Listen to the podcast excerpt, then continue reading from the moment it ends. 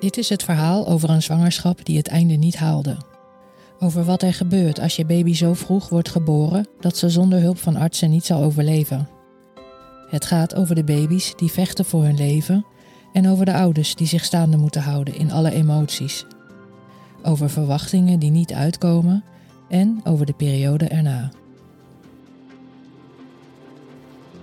Podcast Prematuur gaat over de helden van het eerste uur. Ik ben Vanessa. Welkom bij Podcast Prematuur. Uh, nou ja, na een uur werd ik dan naar de, de NICU gereden. En uh, mocht ik vanuit mijn bed even bij Pommen kijken. Maar ik voelde daar helemaal niks bij. Heel veel boosheid. Ik voelde me heel schuldig naar mijn kind toe. Want ik heb jou niet lang genoeg veilig kunnen houden. En nu vind ik je ook nog eens helemaal niet leuk en lief en knap. In deze aflevering praat ik met Lisanne. Zij was al moeder van Otis, geboren met 38 weken. Toen Lisanne's vliezen braken tijdens haar tweede zwangerschap met 28 weken, herkende ze het vruchtwater meteen. Anders dan de verloskundige die suggereerde dat het urine was. Hier is Lisanne's verhaal. Kan je je het moment nog herinneren dat je vliezen braken met pommen? Ja. Het was zondagochtend en ik denk dat het een uur of negen of tien was. En ik lag op de bank. En we hadden net een loopfietsje voor Otis besteld. En ik, ik moest heel erg ergens om lachen. En ik voelde zo'n scheut vocht door mijn broek heen. Hmm. Dus toen vloekte ik. En toen zei ik, oh, was dat nou, weet je wel, ik moest zelf ook even, was ik aan het twijfelen of het, of het vruchtwater of, of urine was. En toen ben ik naar de wc gehold met een bekertje. En Jona meteen de opdracht gegeven om uh, de verloskundige te bellen. Hmm. En zelf heb ik toen al meteen mijn moeder gebeld, omdat ik ook wel ergens wist dat het gewoon meteen vruchtwater was. En toen zijn we eerst nog afgewimpeld door de verloskundige. Mm. Of de assistent daarvan. Want die zei van nee, en uh, dat kan niet. En je bent nog veel te vroeg. En, uh, en het is vast urine. En uh, rustig aan. En die ging weer op. En ondertussen had ik mijn urine of mijn vruchtwater opgevangen. En ik zei tegen jou, het is roze. En, en mm. het is vruchtwater. We gaan de baby verliezen. We moeten iemand, we moeten naar het ziek, we moeten iets doen. Mm. En toen heb ik zelf de verloskundige weer teruggebeld. En die, uh, die zei, ja, gaan we naar het ziekenhuis. Want ik, hier kan ik ook niks aan doen. En uh, toen heeft mijn moeder me opgehaald. En toen zijn we naar het ziekenhuis gereden. Mm, in Alkmaar? Ja. Mm. Uh, zijn we eerst naar de afdeling van verloskundige gegaan. En dan gaan ze allemaal onderzoeken starten. En ik, ze moesten ze ging kijken of ik die streptokokkenbacterie had. Mm. En of het wel echt vruchtwater was.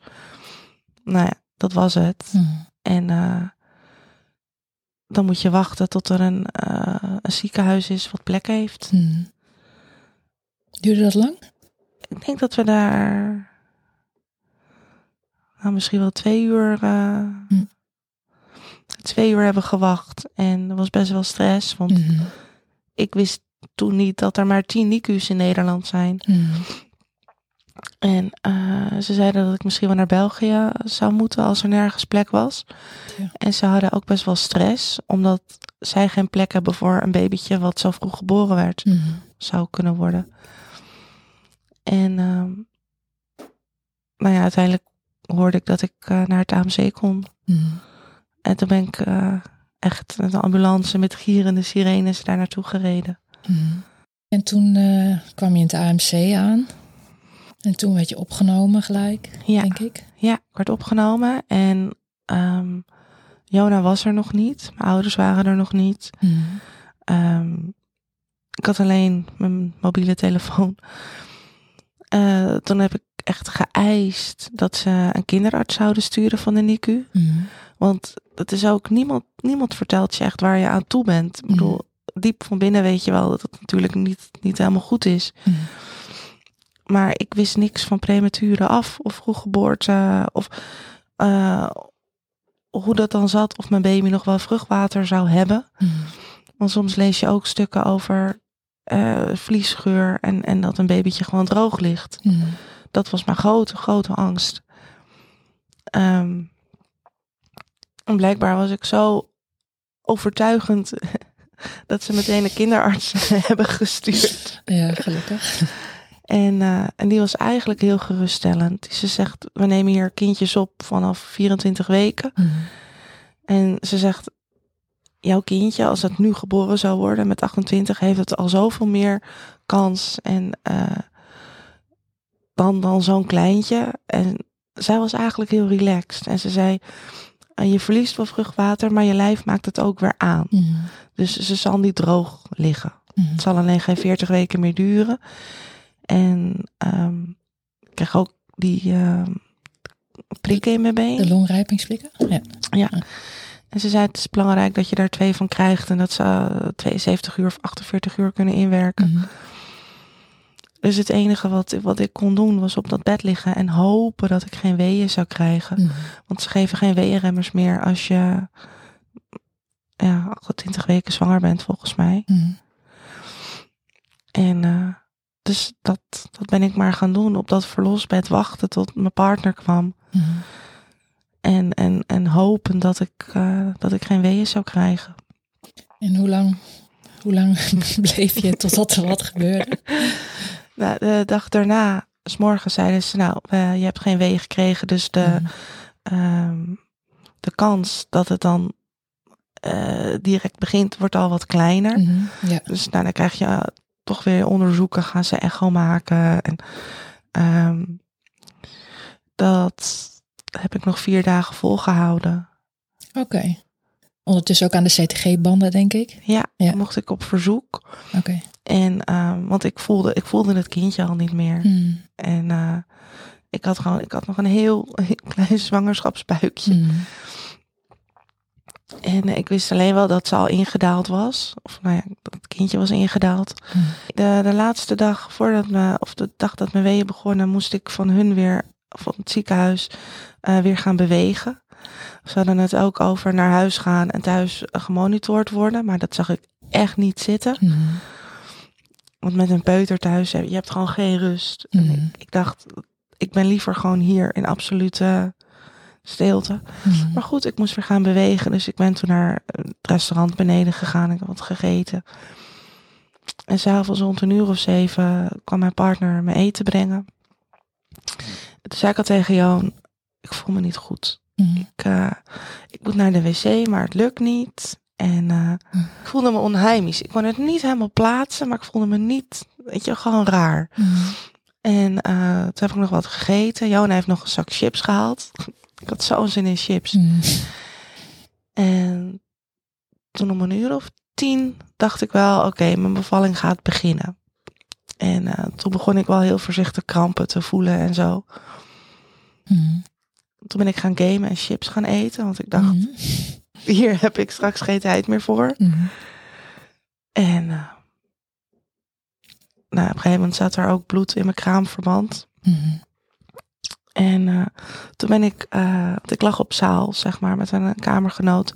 Mhm. ben ik naar de verloskamers gebracht. Ja, en dan word je daar aangesloten aan eh, Mhm. allerlei infusen. En toen ben je natuurlijk bevallen?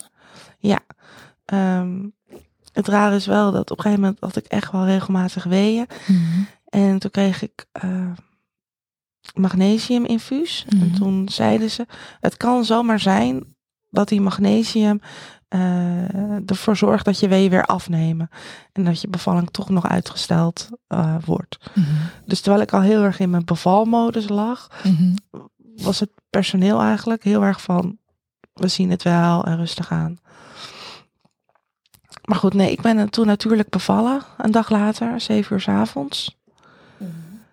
En ehm, ze hadden gezegd, als ze er goed uitziet, kan ze nog even op je borst liggen. Maar als we ons zorgen maken, wordt ze meteen in een couveuse en dan kun je daar haar, na, haar daarna wel zien. Mhm. Ehm, en toen werd ze geboren en toen werd ze op mijn borst gelegd. Dus Oh, ik ja. dacht, oh, het is allemaal goed, want Ja. ze mag nog even bij me liggen. Mhm. Maar ik, ik was gewoon veel te snel geweest. En het team stond nog helemaal niet klaar. Oh. Omdat ze nog niet hadden bedacht dat ze al zou komen.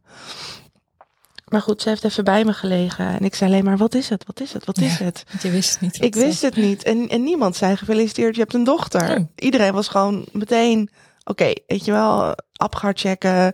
Eh, ze moest ook prikjes en infuusjes. Nou ja, dat was terwijl ze daar bij me lag. En ik dacht alleen maar, wat is het? Mhm. En toen zei iemand, het is een meisje. En toen werd ze in de couveuse gelegd en weggereden. En Mhm. Jona ging er meteen achteraan. En dat was heel raar, want tijdens je bevalling, die kamer was helemaal vol met mensen. Mhm. En ineens was er niemand meer. Mhm. En ook geen baby meer in mijn buik. Mhm. En Helemaal alleen. ja, gelukkig was mijn moeder er. En ik wilde heel graag een van mijn ouders bij de bevalling. En eh, mijn vader had het geprobeerd, maar die was na, na een nacht afgehaakt. Oh. En eh, dus gelukkig was mijn moeder er nog. Maar anders was ik dus gewoon Alleen. helemaal alleen geweest. Gewoon een uur. En eh, we kregen nog wel beschuit met muisjes. Oh, dat wel. Als Dat wel. Ja, en ik, ik dacht echt, Hoezo dan? ja, weet je, dat is, nu kan ik erom lachen. Maar toen dacht ik echt, Mhm. weet je, gefeliciteerd. Je hebt een kind, het is er niet. En Mhm. weet je, je gaat niet... Ik was niet in een stemming om een beschuit met muisjes te eten. En ehm, eh, nou ja, na een uur werd ik dan naar de, de NICU gereden.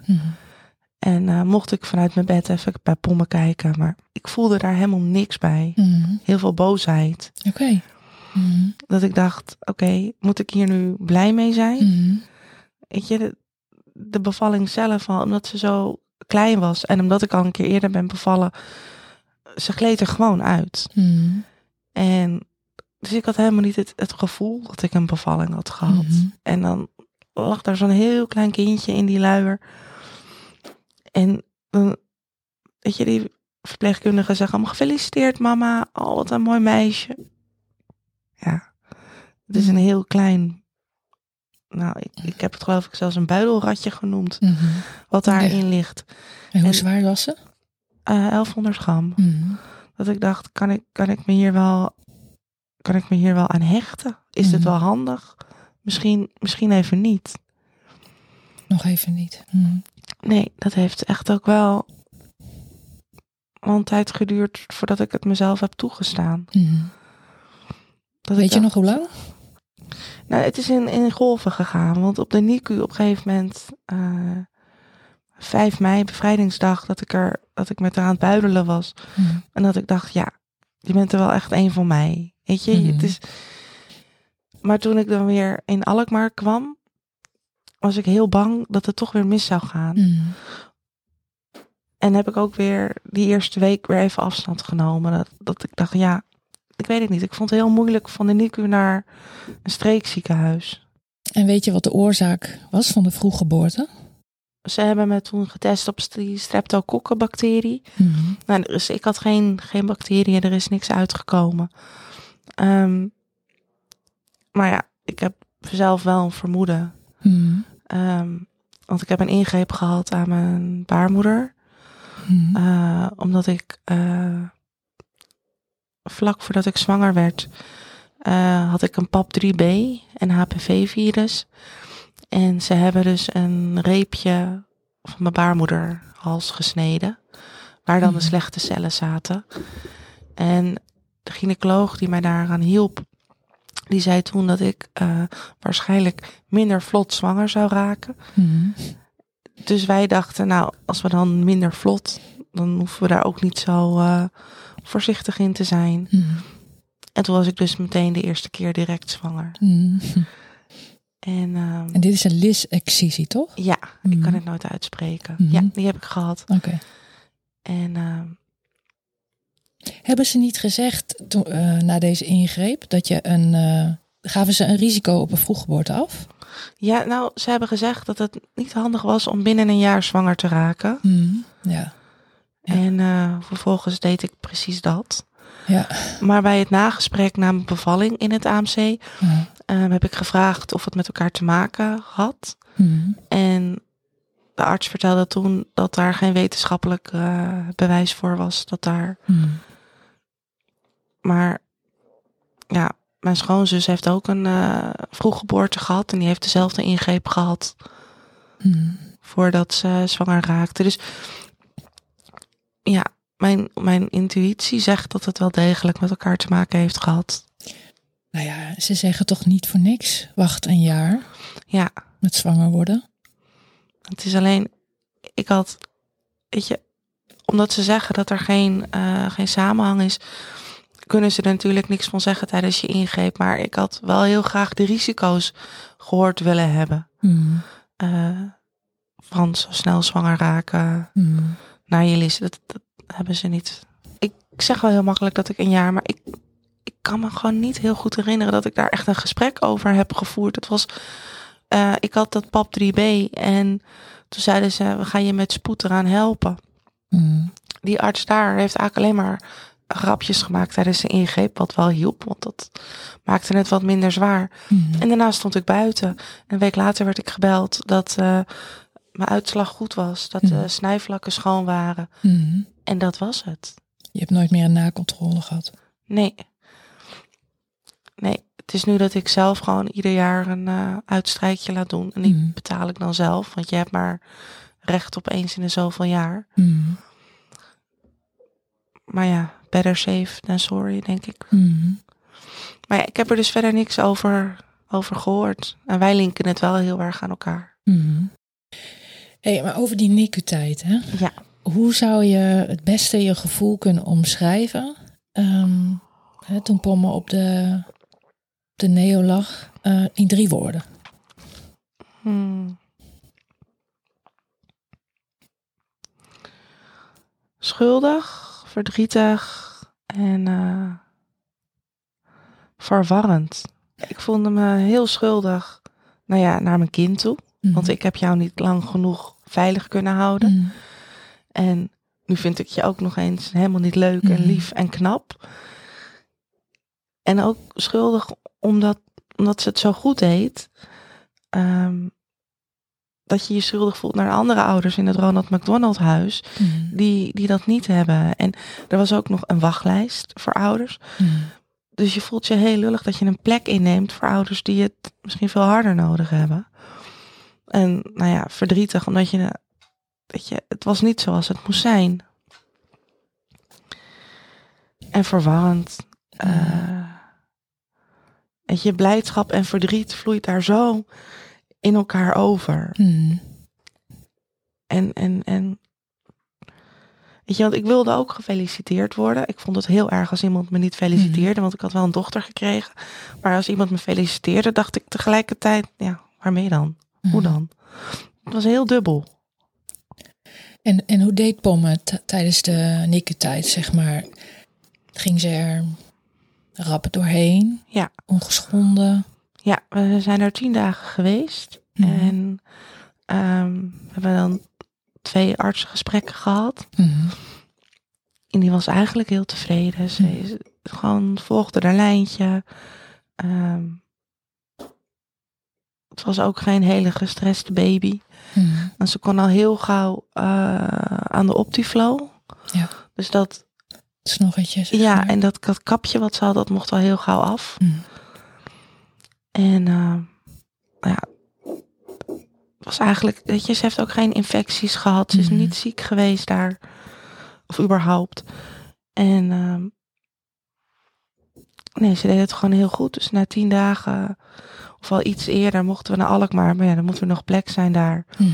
En ik denk vanaf dat moment voelden we ons wel echt te veel in het Ronald McDonald huis. Hmm. Want dan weet je al dat jouw kind van de, van de IC af mag. Moet je alleen nog wachten tot er ergens anders plek is. Hmm. En, ehm, maar goed, na, ja, nee, die tien dagen is ze doorheen gevlogen. Mooi. En toen eh, kwamen jullie aan in Alkmaar. En hoe was dat? Verschrikkelijk. Oké. Hmm. Ja, dat ineens, weet je, je bent gehecht aan je verpleegkundige op de NICU. Hmm. En zij kennen jou, jij kent hen. En ehm, je gaat daar heel erg mee in die flow. En ineens zit je in een ander ziekenhuis. Hmm. Waar ze een hele andere flow hebben. En dat voelde gewoon heel raar. En Dus daar moet je echt aan wennen. daar moesten we aan wennen. En we kwamen ook thuis zonder pommen. Hm. En waar je in het Ronald McDonald huis in je bubbel zit. En Mhm. iedereen die daar zit, heeft, heeft een ziek kind. Mhm. Eh, in Alkmaar kom je gewoon, weet je, kwamen we thuis. ehm, in een, weet je, met een peuter en een leeg kamertje. En dan ging ik even boodschappen doen of ik ging even naar het kruidvat. En dan zag je overal hoogzwangere vrouwen. Of op een gegeven moment in, in, in de supermarkt dat iemand tegen me zei: Oh, je was toch hoogzwanger? Of je was toch zwanger? En dan, weet je, je wilt gewoon je boodschappen doen. Je wilt niet vertellen dat jouw kind in het ziekenhuis ligt, want je wordt Mhm. daar emotioneel van. Dus dat, dat voelde gewoon, dat was niet leuk. Dat was best wel pittig. Mhm. Mm, En ehm, zeg maar qua de gang van zaken, zeg maar in Alkmaar. Ehm, weet je, we mochten dan zelf dat, dat, eh, het spuitje vasthouden waarmee ze er voeding kreeg. En de ene verpleegkundige deed het zo en de ander deed het zo. En, en dat was gewoon, dat vonden we heel vervelend. Ehm, wat, het, wat het ook gewoon was, was dat we in Alkmaar wel echt het gevoel hadden, we gaan op bezoek bij ons eigen kind. En dat we ook, eh, weet je, dat ik moest vragen of ik haar mocht vasthouden en zo. Ik was niet handig met die draden, dus ik kon er niet zelf uit dat bedje halen. Mhm. En nou, ik weet, op de NICU zaten ze er veel meer bovenop. En Je bedoelt dat ze met initiatief kwamen van wil je je kindje vasthouden? ja, weet je, dat was een, het was een Mhm. hele kleine ruimte op de NICU. Mhm. Dus je kwam daar binnen, goedemorgen, goedemiddag, goedenavond. Mhm. ging staan en er kwam iemand naar je toe om te vertellen hoe het met je kind ging. Mhm. Alkmaar was dat gewoon veel Mhm. groter en eigenlijk veel relaxter. Maar dat, dat was ik, nog, ik was nog helemaal niet toe aan dat relaxte. Snap je wat ik bedoel? Mhm. Mhm. Want ze is eerst, heeft nog heel lang in de couveuse gelegen. Eigenlijk totdat die nodig was voor een ander kindje. Toen ging ze naar een warm, een warmtebedje. En daar konden we ook blijven slapen. Oh ja. En ehm, vanaf daar is ze, is ze ook mee naar huis gegaan. Vanuit dat, eh, dat kamertje. Mhm. Nee, het was, gewoon, het was gewoon heel erg wennen. Mhm. En ook hele kleine dingetjes. Niemand had ons verteld dat we eh, twee speentjes nodig hadden om die te wisselen. En wat ze in Alk of in Amsterdam bijvoorbeeld deden, was met een, wattenstaafje mijn, mijn borstvoeding bij haar om dat mondje. Mhm. En dat ze leerde sabbelen. En dat in Alkmaar kon dat niet. En dat vond ik zo'n zo'n gemis. Omdat. Weet je, je wilt uiteindelijk dat je kindje aan de borst drinkt. Mhm. dat wilde ik heel graag. En voor mijn gevoel werd daar dan, ja, was daar geen mogelijkheid voor of zo. Mhm. Terwijl ik dat juist heel intiem vond om met mijn kind dat wattenstaafje. Nou, Mhm. moesten we zelf wattenstaafjes regelen. Nou, heel Ja. stom. Het is heel kleins. Echt dat- wennen. Ja, Ja. echt een grote overgang. En, ehm, maar goed, weet je, er zijn er uiteindelijk ook nog acht weken gebleven. Mhm. En eh, Ja, je leert ze wel kennen, die meiden. ja, ja. Dus toen ik na acht weken wegging, dacht ik, oh, Oh ja, dan ga je ze ineens missen natuurlijk. Ja, zo gaat het. ja. Nee, in die hele periode dacht ik, ik wil naar huis, ik wil naar huis, ik wil mijn Mhm. kind mee, ben ik klaar mee. En toen ik er echt mee naar huis mocht nemen, dacht ik, oh, maar kan ik dit wel? Oh, zo herkenbaar. En, en met wie moet ik nu kletsen als ik de nachtvoedingen doe, Mhm. weet je? Want het was ook, had ook wel iets heel gezelligs. Mhm. En, ehm, maar de overgang, vond, ja, ik vond het gewoon heel spannend. Mhm. Ik was daar heel angstig over. En het voelde ineens ook heel echt. Want zonder kind zit je op de bank thuis.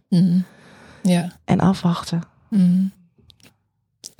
En mm, vond je het eng toen ze pommen van de monitor haalden? Nee, daar waren we wel echt aan toe. Weet je, op een gegeven moment dat, dat hele naar huis verhaal, ik weet niet hoe dat bij jou ging. Maar bij ons zeiden ze op een gegeven moment, nou, als ze zo doorgaat, mag ze volgende week naar huis. Dan ga je alles klaarmaken. Mhm. Dan ga je huis erop voorbereiden. Je gaat jezelf erop voorbereiden. En dan heeft ze een incidentje. Mhm. Dus dan gaat er weer zoveel uur overheen. Dus op een gegeven moment waren we er echt aan toe dat ze gewoon, Mhm. dat ze haar ontkoppelde. En, en dat gebiep en die incidentjes. Ik dacht, geef hem maar gewoon mee. Het is klaar. Weet je Mhm. wel, ik heb er wel vertrouwen in. En ehm, ze heeft twee keer een bloedtransfusie gehad. En de tweede keer zat ze net aan die bloedtransfusie. En toen kwam de nurse practitioner en die zei, morgenochtend mag ze mee. Hm. En ik dacht echt, Ja, ze heeft net een bloedtransfusie Ja. gehad. zie je niet, hoe dan? Mhm. Maar het was de juiste, de juiste beslissing. Mhm. Hoe ervaarde je het begrip van familie, vrienden of nou ja, jullie kring? Mm, wisselend. Mhm. Want ik heb vriendinnen die geen kinderen hebben, Mhm. die er geen ervaring mee hebben. En die, weet je, die weten niet hoe het is. En die, dat is, ja, de ene vriendin ging daar eh, handiger mee om dan de ander. Ehm, ja, weet je, er is familie waar ik niks van heb gehoord. Hmm. Mijn nichtje, die ehm, naast het ziekenhuis woonde, naast het AMC waar ik toen was opgenomen. En ik heb haar toen gebeld en gevraagd of ze langs wilde komen. Vertellen dat mijn vliezen gebroken waren. En, maar ze is nooit gekomen. Nou, ze heeft het af laten weten. En ook na de geboorte heb ik niks meer gehoord. Aan de ene kant heb ik er begrip voor. Mhm. Aan de andere kant denk ik, ik heb specifiek gevraagd, wil je langskomen? Wil je er voor me zijn? Ik heb het moeilijk. Ehm, ik lig in het AMC met gebroken vliezen. Eh, je woont er vlakbij. Mhm. Je- Kan je langskomen? En dan, ja, ik kom. En dan niet opkomen dagen. Mhm. Ja, dan klaar. Mhm. En ehm, we hebben toen Pommel geboren was een appgroep opgezet. Mhm. Waarin we gewoon updates en zo konden Oh ja. geven. Mhm. En nou, dat, is, dat was gewoon heel fijn. Ja. Voor iedereen heel makkelijk, want mensen gaan je ook niet zomaar appen. Kan ze al dit, kan ze al dat. Mhm. En, ehm, weet je, en we hebben ook botte vragen gehad. Ja, gaat ze dood? Oh. Oh, is ze geboren? Gaat ze gehandicapt worden? Mhm. Eh, hoe gaat haar leven eruit zien? Maar dat voor mensen die er geen ervaring mee hadden of überhaupt niks met kinderen hebben. Dus ja, Ja, het toont zo duidelijk dat er zo weinig ja, kennis is over vroeggeboorte. Dat, weet je, dat kan jij ze eigenlijk ook niet verwijten, weet je wel. Maar toch, het komt rauw op je dak natuurlijk. Ik bedoel, ja. misschien heb je zelf ook die angst nog, weet je wel. Van ja, komt Ja. het wel helemaal goed en dan hoor je dat ook nog. Maar ja, Weet je, en dan zei ik ook, ik weet het niet. Ja, het, het Ja. kan, ze kan overlijden, ze kan gehandicapt raken, ze kan ziek zijn. Ehm, maar ze is er nu. ze is er nu en we zijn er heel blij mee. Mhm. Ehm, ja, weet je dat? We gaan ervoor met haar. Mhm. Mhm. En eh, dus weet je, je kan het mensen ook niet. Tenminste, ik heb het mensen nooit, nooit heel erg kwalijk Nee. genomen. Alleen mensen die, weet je, een jaar later zeiden.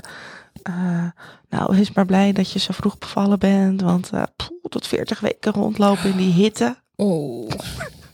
Terwijl onze enige wens is weet je, om die hele zwangerschap uit te dragen.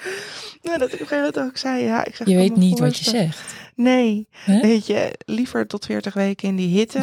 dan, dan drie maanden aan de couveuse van je Oh. kind. En niet weten hoe ze eruit komen. Want pom is een succesverhaal. Maar dat dubbeltje had ook de andere kant op kunnen vallen. Ja.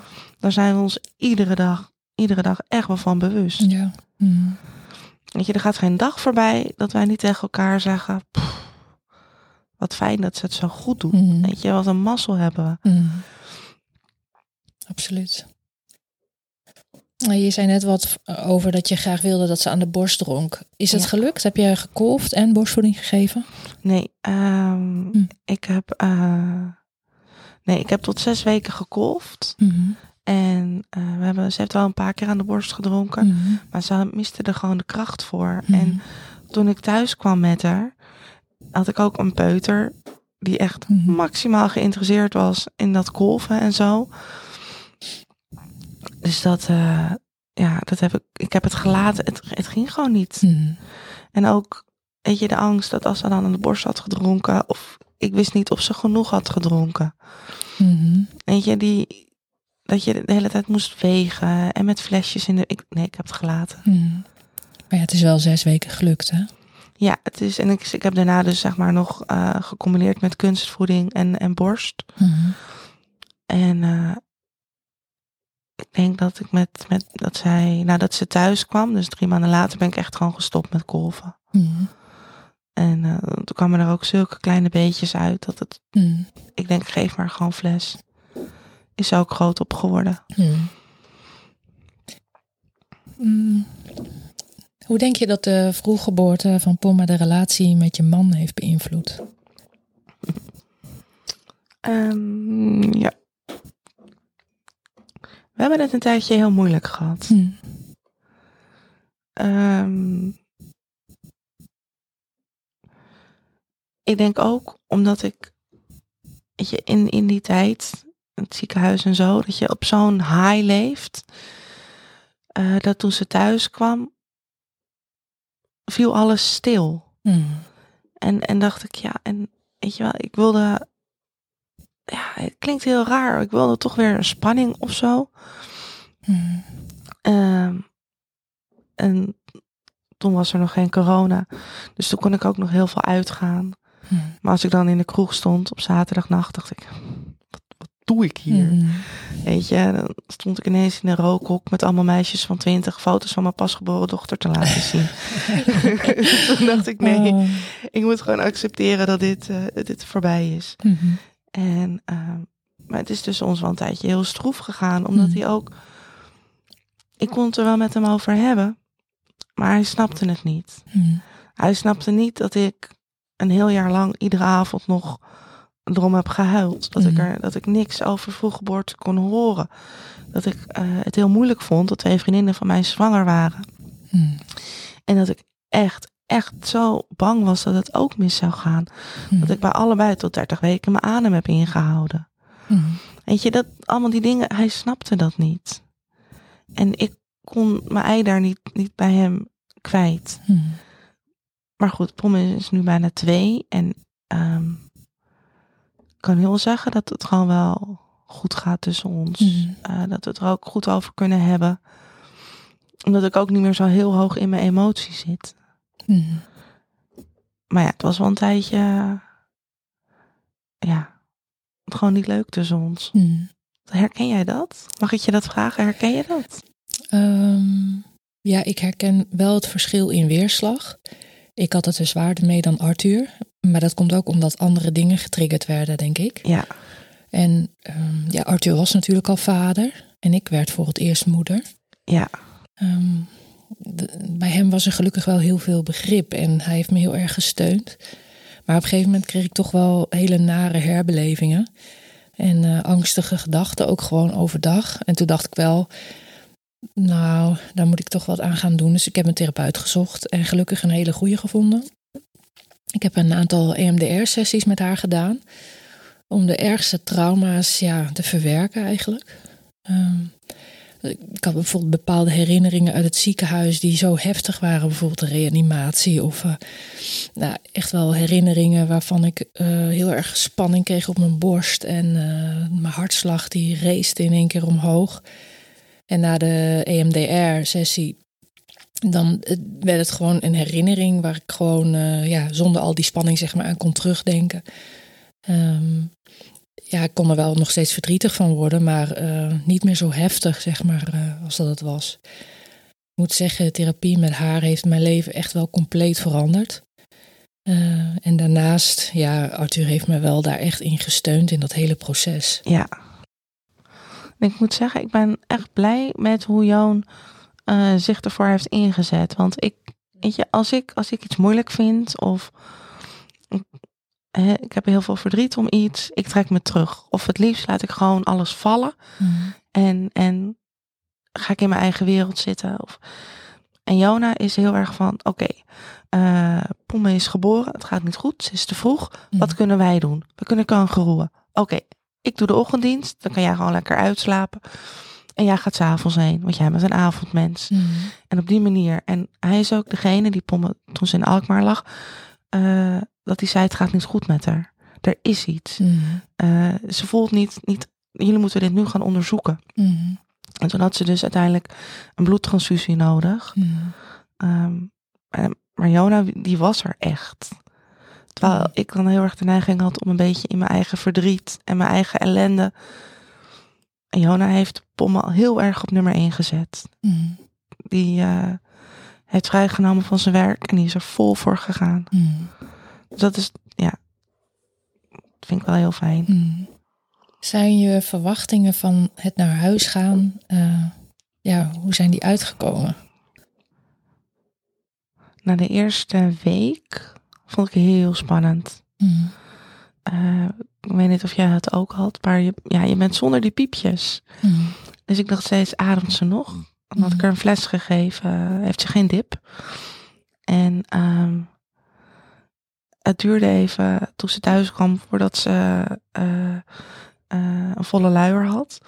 Mm. Toen hebben wij nog met de meiden van de NEO gebeld van, ja, hoor dit? Of moeten we nu weer terug? Of ja, het was, weet je, ineens moet je zelf gaan zwemmen. Mm. Maar het was gewoon heel fijn. Mm. Alleen dat, uh, dat prematuur kreunen vond ik heel erg verschrikkelijk. Mm. Omdat ik dacht dat ze pijn had. Um, maar gewoon pommen thuis, pommen in de wagen met auto's. Ik had zo'n tweelingwagen gekocht. Ja, dat was fantastisch. Ja. Sowieso auto's die dan zijn zusje ontmoet. En die daar zo zacht en, en lief voor is. Het was fantastisch. Dat, je, dat is gewoon de hele tijd waar je naar uitkijkt, wat je doorheen sleept. En zij deed het ook gewoon mega goed thuis. Het was zo'n opluchting. Ja. Ze voelde zich goed, ze kon zich goed ontspannen. Ja, ja. ja. Het was gewoon, weet je, met Pomma, we hebben alleen maar tienen gehaald met haar. Dat is zo. Ze kwam thuis en ze hoorde ook gewoon thuis. Uh, heb je meegedaan aan het topprogramma? Ja. Ja. In het begin, weet je, waren we toch een beetje aan het harnessen met flesjes. En um, zei ik ook steeds tegen Linda, uh, kun je zien, is ze normaal? Ja. Uh, als je kindjes met een beperking hebt, kan je dat al aan haar zien? Kan je aan haar zien of ze autisme, weet je, allemaal hele stomme dingen. Mm. En Weet je, en dan zei Linda, nee, alles is goed. Mm -hmm. Nee hoor, nee, dit is prima. Nee, ik zie niks raars. Mm -hmm. Dus die momenten waren ook meer ter geruststelling van mezelf. Uh, mm -hmm. dan dat pom, omdat ze deden het gewoon goed. Weet je, we kregen oefeningen mee en uh, tips voor meer flessen of meer dit of meer dat. Maar die eerste maand dacht ik echt ik tegen Linda, zie je al wat? Zie je al wat? Is het niet goed? Is het afwijkend? Ja. Je bent zo... Maar omdat Linda heel relaxed was, werden wij dat ook. -hmm. Ja. Tot slot, ja. uh, wat zou je ouders van prematuren willen meegeven? Oh, ik vind het een heel lastige vraag. Ik denk Heb vooral, je advies? Ja, Tips? advies. Het is gewoon een rollercoaster die je uit moet zitten. Mm -hmm. En iedere baby is anders en iedere ouder is anders. En um, wat voor mij werkt, hoeft voor een ander niet te werken. Maar wat ik heel fijn vond, um, was op social media wel op zoek naar ouders die ook uh, een prematuur kindje hadden of weet je, mm. hebben gehad. Um, en dan zocht ik voornamelijk naar de succesverhalen, omdat ik daar mijn hoop uit haalde. Mm. En ik moet ook eerlijk zeggen, toen Pomma uit het ziekenhuis kwam, was dat ook alweer helemaal klaar. Omdat het gewoon maar dat vond ik heel fijn. Op, uh, op Instagram heb je gewoon uh, een Amerikaanse community waar ik aanhaakte en wat mij heel veel vertrouwen gaf. Mm. Dus dat, het is volhouden mm. en uitzitten. Ik ontmoette Lisanne via een gedeelde kennis. Zij wist dat ik een podcast aan het maken was en dat Lisanne te vroeg was bevallen. Verder wist ik nog niks. Op de dag van opname van ons gesprek in de studio vertelde ze me pas de oorzaak van de vroeggeboorte van haar dochtertje. Ik werd er warm van, want alle belletjes van herkenning gingen rinkelen. Kort voor haar zwangerschap testte Lisanne met een uitstrijkje positief op HPV. Vervolgens werd een voorstadium van baarmoederhalskanker geconstateerd. Hiervoor werd bij haar een laagje cellen van haar baarmoederhals weggehaald, een lysexcisie. Na de ingreep zou ze beter een jaar kunnen wachten met zwanger worden. Maar het tegenovergestelde gebeurde, dus Lisanne hoefde niet lang in het duister te tasten over het waarom van de vroeggeboorte. Buiten dat baarmoederhalskanker onze gemene deler is, is er nog iets dat we gemeenschappelijk hebben. We hebben beide niet een jaar gewacht met zwanger worden, omdat we onvoldoende van de ernst van de gevolgen daarvan waren doordrongen. Uit gesprekken met lotgenoten blijkt dat wij lang niet de enige zijn. Maar interessant is de vraag waarom we dat niet zijn. Is er een strengere voorlichting nodig vanuit gynaecologie-oncologie? Is er meer bewustwording nodig van wat vroeggeboorte inhoudt, welke langetermijngevolgen eraan verbonden zijn? Waarschijnlijk beide. Maar hoe is dit te realiseren? Het belangrijkste zou zijn als we überhaupt geen baarmoederhalskanker zouden krijgen. Er is nu een vaccin voor, waar jonge meiden van rond de 12 jaar en binnenkort jongens mee ingeënt kunnen worden. Het is gratis, want het zit in het Rijksvaccinatieprogramma. Genoeg stof in ieder geval om er nog een aflevering aan te wijden. Podcast Prematuur over de helden van het eerste uur. Gemaakt door mij, mama van zo'n held.